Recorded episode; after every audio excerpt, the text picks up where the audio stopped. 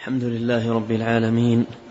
صلى الله وسلم وبارك على عبده ورسوله نبينا محمد وعلى آله وصحبه أجمعين. أما بعد فيقول الشيخ عبد الرحمن بن ناصر السعدي رحمه الله وقيل لبعضهم بما يعرف الله فقال هذه النواة يغرسها الناس فيأتي منها النخيل والأشجار المتنوعة وتخرج الثمار اللذيذه النافعه وهذه الحبوب تلقى في الأرض فتخرج أصناف الزروع التي هي مادة أقوات الآدميين وبهائمهم. ثم لا تزال تعاد وتغل كل عام ما يكفي العباد ويزيد عن حاجتهم. أليس هذا برهانا ودليلا على وجود على وجود الله وقدرته وعنايته بعباده ورحمته؟ وقد نبه الله على هذا الدليل والبرهان العقلي المشاهد في قوله تعالى فالق الحب والنوى وقوله أفرأيتم ما تحرثون؟ أأنتم تزرعونه أم نحن الزارعون؟ الحمد لله رب العالمين وأشهد أن لا إله إلا الله وحده لا شريك له وأشهد أن محمدا عبده ورسوله صلى الله وسلم عليه وعلى آله وأصحابه أجمعين. أما بعد هذا برهان آخر من البراهين الجزئية كما وصفها بذلك الشيخ رحمه الله تعالى في الاستدلال بها على وحدانية الله وتفرده سبحانه وتعالى بالخلق والتدبير. وأنه جل وعلا رب العالمين خالقهم ورازقهم ومدبر شؤونهم والمتصرف فيهم كيف يشاء وهم كلهم طوع تسخيره وتدبيره فالأمر أمره والخلق خلقه سبحانه وتعالى. فهذا برهان آخر من هذه البراهين الدالة على الوحدانية وتفرد الرب سبحانه وتعالى وقد جاءت الإشارة إلى هذا البرهان في مواطن عديدة من كتاب الله عز وجل منها الآيتان اللتان ذكر ذكرهما رحمه الله إن الله فالق الحب والنوى. وقوله أفرأيتم ما تحرثون وقوله أفرأيتم ما تحرثون أأنتم تزرعونه أم نحن الزارعون لو نشاء لجعلناه حطاما فظلتم تفكهون والآيات في هذا المعنى كثيرة ولهذا فإن التفكر في الزروع والأشجار والنبات وما أودع الله عز وجل فيها من الحكم والأسرار البديعة والآيات البليغة الدالة على عظمة مبدعها وكمال خالقها. ترى القطعة الواحدة من الأرض والتي تسقى بماء واحد والشجر الذي فيها أيضا نوعه واحد إما نخل كله أو عنب كله أو تين كله ثم تجد بينها تفاضلا وتفاوتا في الطعم وجمال المنظر إلى غير ذلك. فهذا من الآيات والبراهين مثل ما قال الله سبحانه وتعالى في سورة الرعد وفي الأرض قطع متجاورات وجنات من أعناب وزرع ونخيل صنوان وغير صنوان يسقى بماء واحد ونفضل بعضها على بعض في الأكل. إن في ذلك لآيات. إن في ذلك لآيات لقوم يعقلون. فهذه آيات جعلها الله سبحانه وتعالى في هذه الزروع وفي هذه الأشجار من حيث آه، آه، إنباتها ومن حيث منظرها ومن حيث ثمرها ومن حيث التفاضل بينها. هذه كلها آيات وبراهين على كمال المبدع وعظمة الخالق.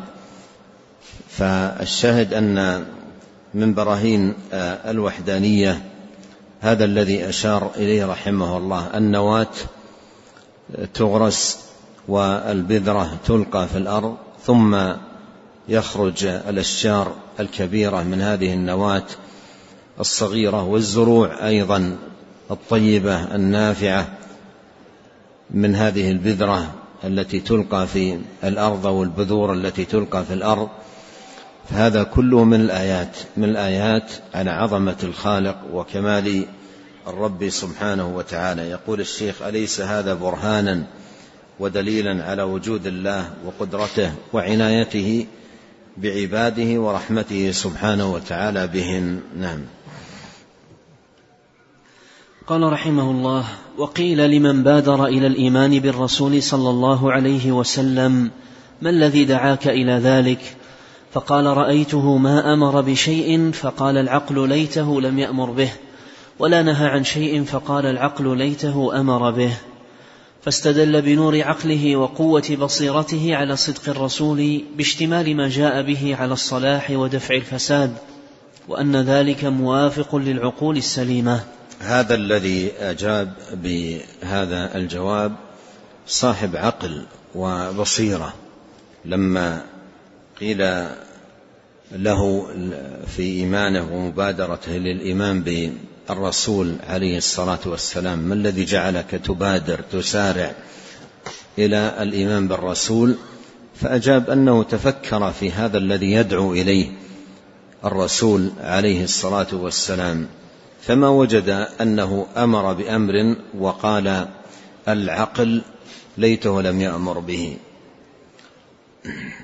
ولا نهى عن شيء وقال العقل ليته لم ينهى عنه. والحديث عن العقل السوي. أما العقل الفاسد فشأنه آخر. إذا فسد العقل أبغض ما جاء به الرسول ورآه على غير السداد وعلى غير الاستقامة.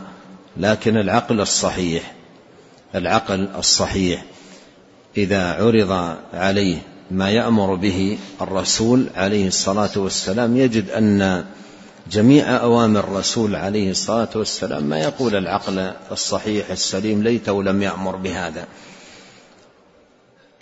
وكذلك آه، ما نهى عنه عليه الصلاة والسلام لا يمكن أن يقول العقل السليم ليته لم ينهى عن ذلك.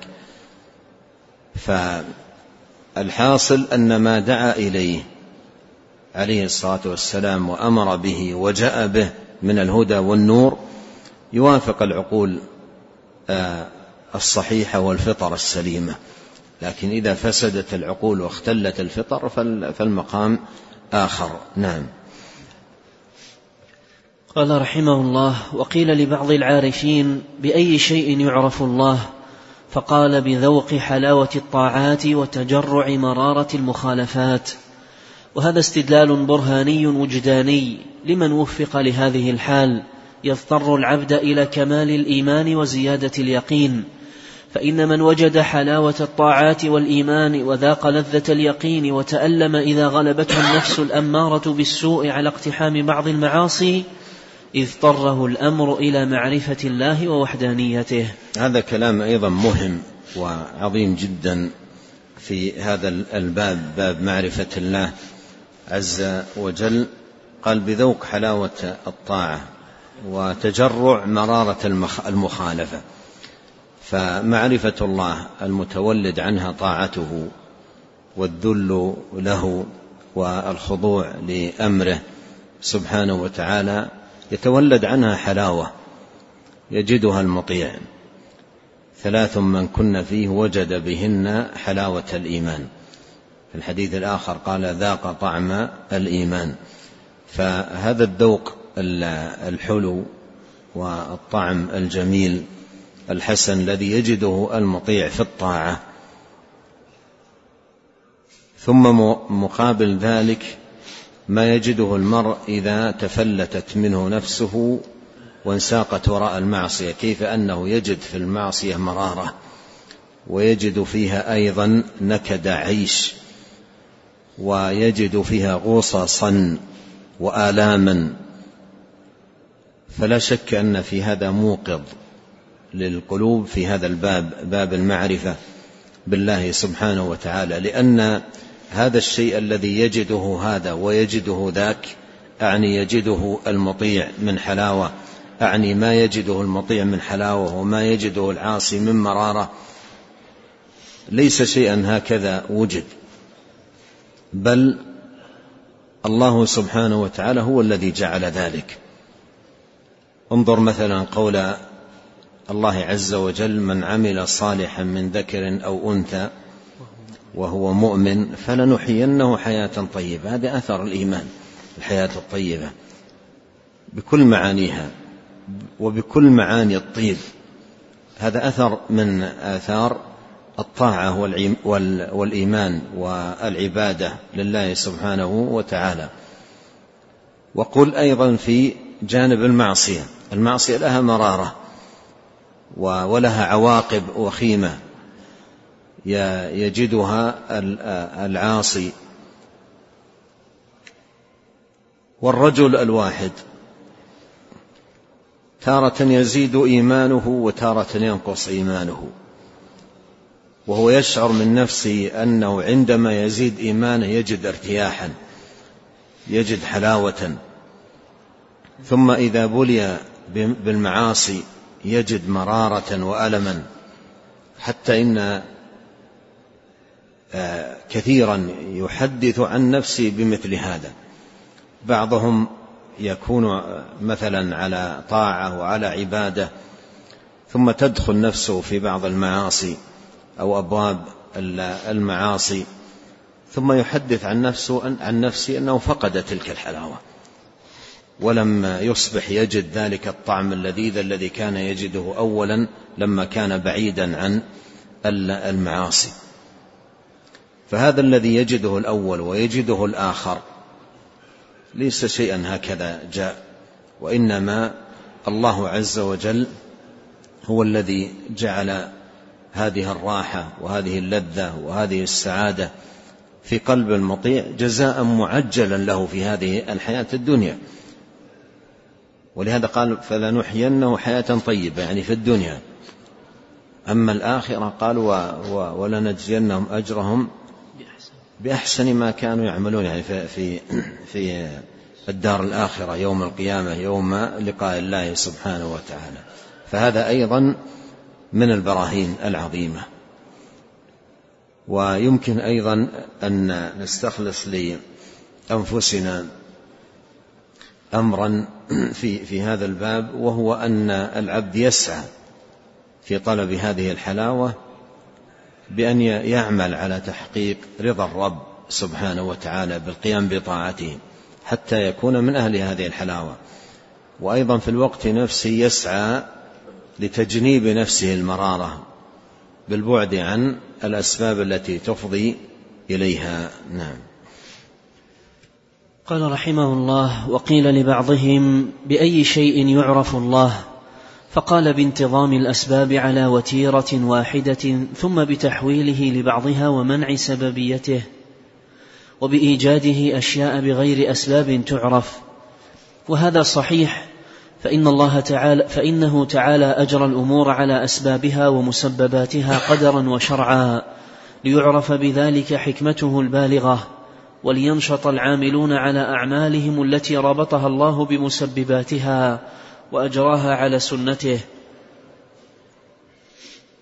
ثم إنه مع ذلك منع بعض الأسباب عن ترتب آثارها عليها كما في معجزات الأنبياء الخارقة للعادة وكرامات الأولياء. وكذلك يوجد كثيرا من الأشياء وكذلك يوجد كثيرا من الأشياء بغير الأسباب المعهودة. كما أوجد عيسى من أم بلا أب ويحيى, بن ويحيى بين أبوين لا يولد لمثلهما وأشياء كثيرة من هذا النوع ليعرف العباد أنه المتصرف التصريف المطلق وأنه كما يتصرف بالأشياء بأسبابها المعلومة المرتبطة بها كذلك يتصرف فيها بغير المعهودة. ولهذا كان جمهور هذا النوع من معجزات الأنبياء والكرامات للأولياء ولهذا كان جمهور هذا النوع من معجزات الأنبياء والكرامات للأولياء وقد تكون لغيرهم وهي كلها براهين على وحدانية الله وإلهيته وربوبيته. هذا أيضا أمر آخر من البراهين التي يسوقها رحمه الله استدلالا بها على تفرد الله سبحانه وتعالى بالوحدانية وتفرده جل وعلا بالتدبير. وأن الأمور في هذه المخلوقات كلها طوع تسخير الرب وتدبيره جل في علاه. فهنا يدعو الشيخ رحمه الله إلى التأمل في الانتظام انتظام الأسباب على وتيرة واحدة. انتظام الأسباب على وتيرة واحدة ثم بتحويله لبعضها ومنع سببيتها. يعني مثلا النار. منتظم على وتيرة واحدة أن الشيء الذي يوضع على النار أو يلقى في النار ما الذي يحدث له؟ يحترق. هذا وتيرة واحدة. ما يلقى فيها تحرقه النار. لكن فيما ذكر الله سبحانه وتعالى في الآية المعجزة التي جعلها لإبراهيم عندما أجج قومه نار لم يوقد مثلها. حتى قيل إن الطير التي تمر من مسافة عالية في السماء من فوق تلك النار تسقط من شدة حرارتها.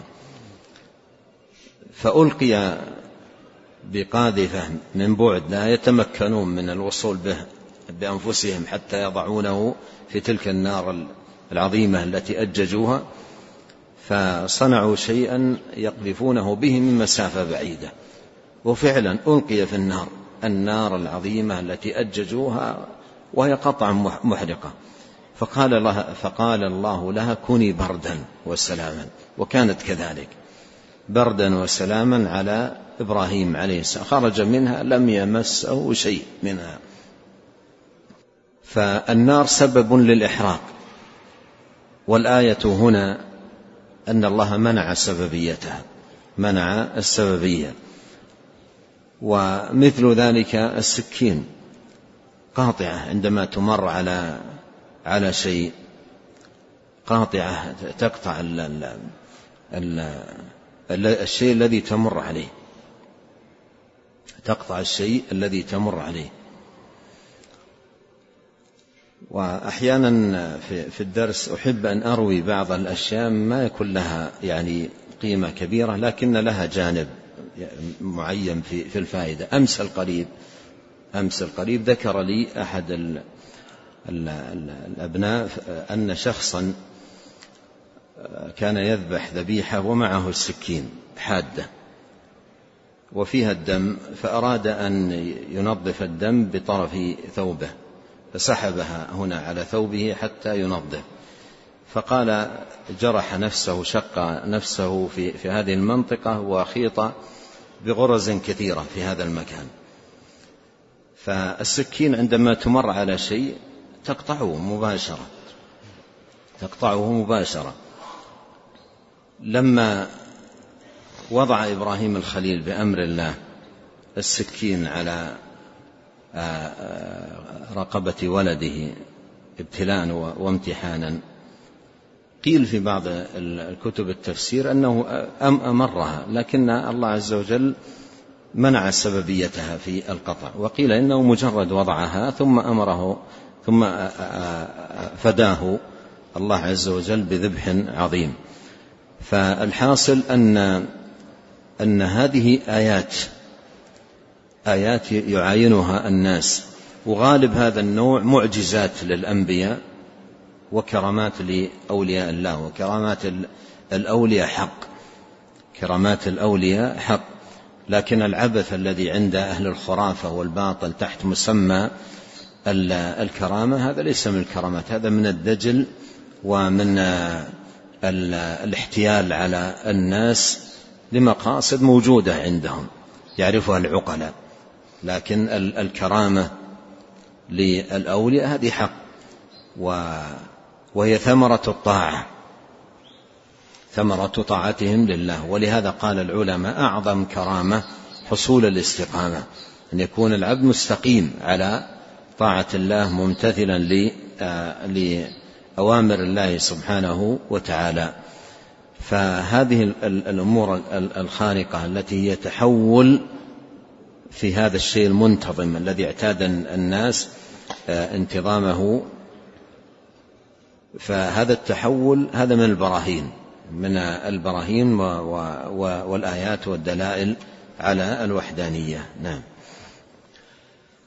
قال رحمه الله وقيل لبعضهم بما يعرف الله فقال من نظر في مواد الرزق وتأمل حالة من لهم موجودات كثيرة وعقارات وغلات كثيرة ولكنهم قد اتكلوا عليها فضاقت. وإيش؟ وقيل لبعضهم بما يعرف الله فقال من نظر في مواد الرزق وتأمل حالة من لهم موجودات كثيرة وعقارات وغلات كثيرة. تقول, تقول عقارات يعني ما أنت من أهل العقار أنت؟ أقول لست من أهل العقار. لا تقرأها عقارات. نعم. عقارات. نعم. ولكنهم قد اتكلوا عليها فضاقت عليهم الأمور وركبتهم إن شاء الله من أهل الكتب. نعم وركبتهم الديون وجاءت الأمور على خلاف ما يأملون ثم نظر إلى أناس كثيرين ليس لهم عقارات ولا عقارات ولا عقارات؟ نعم. ولا موجودات وإنما يسرت لهم وإنما يسرت لهم أسباب بسيطة لا تخطر على بال أحد أن تكفيهم ولكن الله بارك فيها وبسط لهم الرزق فكانوا أبسط قلوبا وأريح نفوسا وأرغد عيشا من الأولين. والسبب في ذلك أنهم قاموا بالأسباب متوكلين على مسببها فقلوبهم على الدوام متطلعة إلى ما عند الله راجية منه تسهيل الرزق والأولون بالعكس قلوبهم متعلقة بأملاكهم وموجوداتهم فبذلك يعرف الله ويعرف أن الأمر كله لله. لذلك إذا نظرنا لكثير من الأقوياء الأذكياء العاملين ليلا ونهارا تجد رزقهم مقترا وأسبابهم مخفقة. ونجد كثيرا من الضعفاء البلداء الذين ليس عندهم من القوة والذكاء ما عند الأولين والله قد بسط لهم الرزق ويسر لهم أمرهم وهذا كله مشاهد يضطر العاقل أن يشهد لله بالتصرف المطلق وأن الأمر كله لله. هذا أيضا من البراهين براهين والدلائل على هذا الباب باب المعرفة بالله عز وجل. من نظر في مواد الرزق مواد الرزق يعني ما يستجلب به الرزق فامشوا في مناكبها وكلوا من رزقه فتجد أن الناس في هذا الباب في مواد الرزق والأسباب التي يحصل بها الرزق كل في سبيل وكل في مسلك وكل له وجهة من خلالها يطلب رزقه وعيشه وعيش ولده. فالناس يتفاوتون في في ذلك. فإذا تأمل الحال في هذه الأشياء التي مواد الرزق بأصنافها من مثلا زروع أو أراضي أو ممتلكات أو أنواع من التجارات.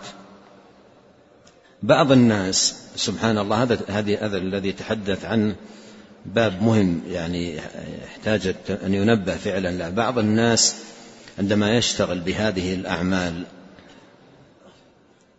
قد يحصل عند بعضهم اتكال عليها. يعني مثلا يرى أن الأملاك التي عنده واسعة فيحصل عنده اتكال على هذا وأنه, وأنه كاف له ما بقي وأيضا ما بقيت ذرياته من بعده. ثم أيضا يلحقه شيء من العجب بنفسه وذكاءه وفطنته وقدرته وما إلى ذلك. فيحصل عنده اتكال. ومن توكل تعلق شيئا وكل إليه. من تعلق شيء وكل إليه. فقد تأتي الأمور على خلاف ما يظن. ولهذا بعضهم يعني يكون آه، من مثلا كبار الأثرياء وبين عشية وضحاها يصبح في عداد الفقراء. بل يكون يلحقه ديون. يلحقه ديون كثيرة جدا. وقبل ذلك كان معدودا في كبار كبار الأثرياء وكبار في صحة وفي عافية. ثم آه، يصبح في حال تلحقه فيها ديون وأيضا تتوالى عليه وتتكالب عليه أنواع من الأمراض ويعيش حياة حياة بئيسة. ولهذا لا يتعلق الإنسان بمال في يده مهما كثر. لا يتعلق به ولا يتكل على على هذا المال. وعليه أيضا أن يحمد المنعم وأن يشكر المتفضل.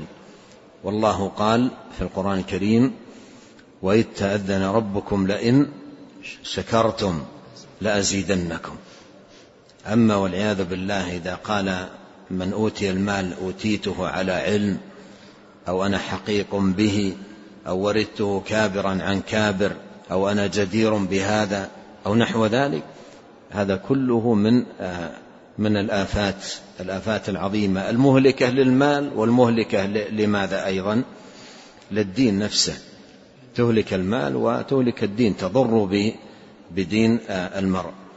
يقول الشيخ إذا نظر الإنسان آه، إلى كثير من الناس بعضهم ليس عنده مثل هذه الأملاك ولا عنده مثل هذه التجارات وإنما يسرت له أسباب بسيطة جدا.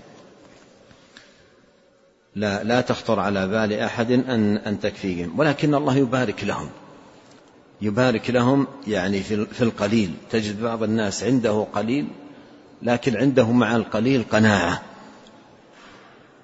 عنده مع القليل قناعة فيحصل له بركة في القليل عظيمة جدا. ومن الناس أوتي من الأملاك الشيء الكثير. و ولا يجد مع هذا الكثير الذي عنده راحة ولا طمأنينة ولا هناءة. فهذا بارك الله له في قليله لقناعته ورضاه بما قسم الله. والآخر لم يبارك فيه لهلعه وجزعه وشح نفسه وغير ذلك من آفات القلوب وأمراضها. قال السبب في ذلك أنهم قاموا بالأسباب يعني أولئك متوكلين على آه، مسببها فقلوبهم على الدوام متطلعة إلى ما عند الله راجية منه فلهذا يبارك لهم في في في هذا بعكس الأولين قلوبهم متعلقة بأملاكهم وموجوداتهم فهذا من البراهين على أن الأمر بتدبير الله سبحانه وتعالى بتدبير الله. ثم أشار إلى أنه قد يكون شخص من الأذكياء ويعمل ليل نهار ولا يحصل شيئا وآخر ما عنده ذاك الذكاء ولا عنده تلك الفطنة ويحصل آه، مالا غزيرا. فما رجع الأمر إلى الفطنة من حيث هي وإنما الأمر بتدبير الله سبحانه وتعالى وتسخيره جل في علاه. ولا يعني هذا تعطيل الأسباب أبدا. وإنما المراد به عدم الاتكال عليها.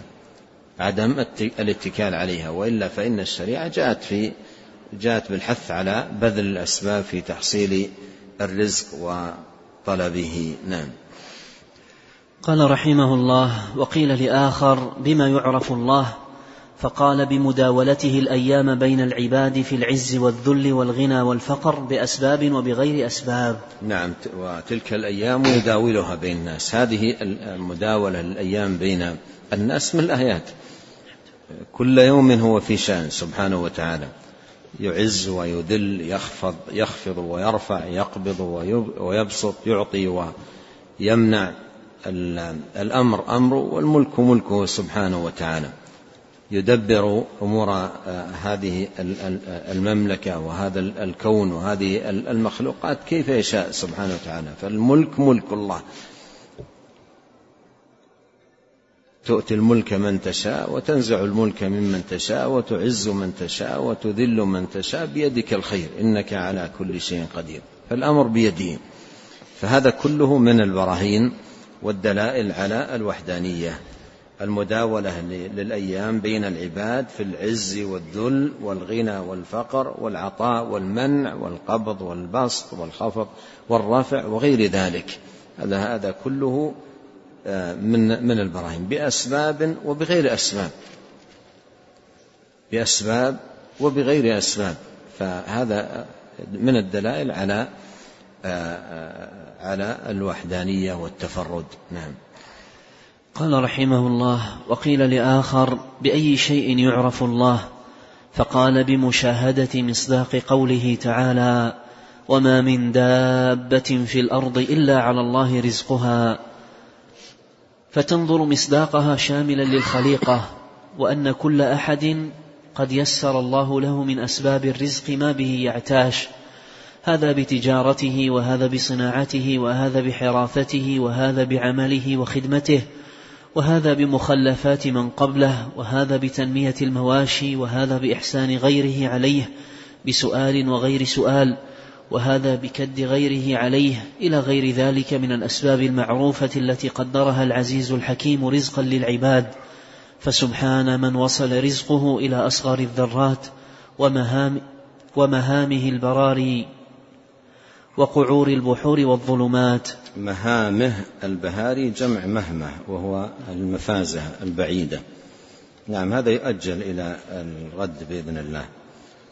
سبحانك اللهم وبحمدك أشهد أن لا إله إلا أنت أستغفرك وأتوب إليك. اللهم صل وسلم على عبدك ورسولك نبينا محمد وآله وصحبه. جزاكم الله خيرا.